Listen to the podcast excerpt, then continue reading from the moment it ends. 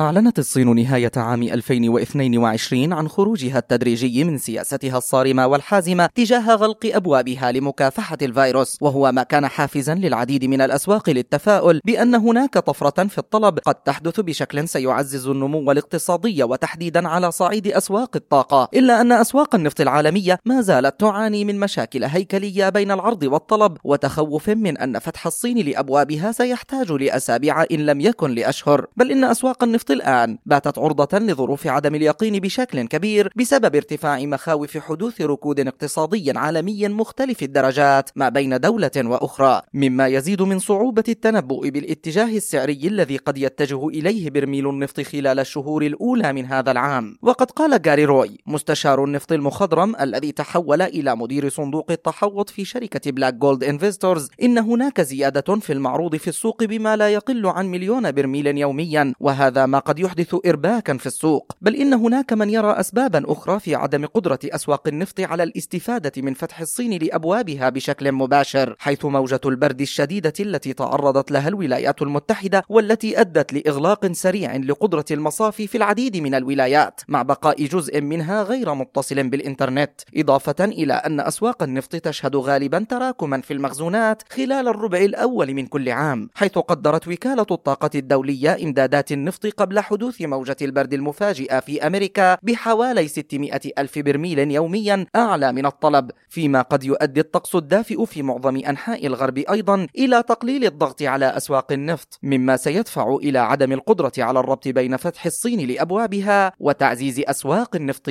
العالمية. مجد النوري لشبكة أجيال الإذاعية.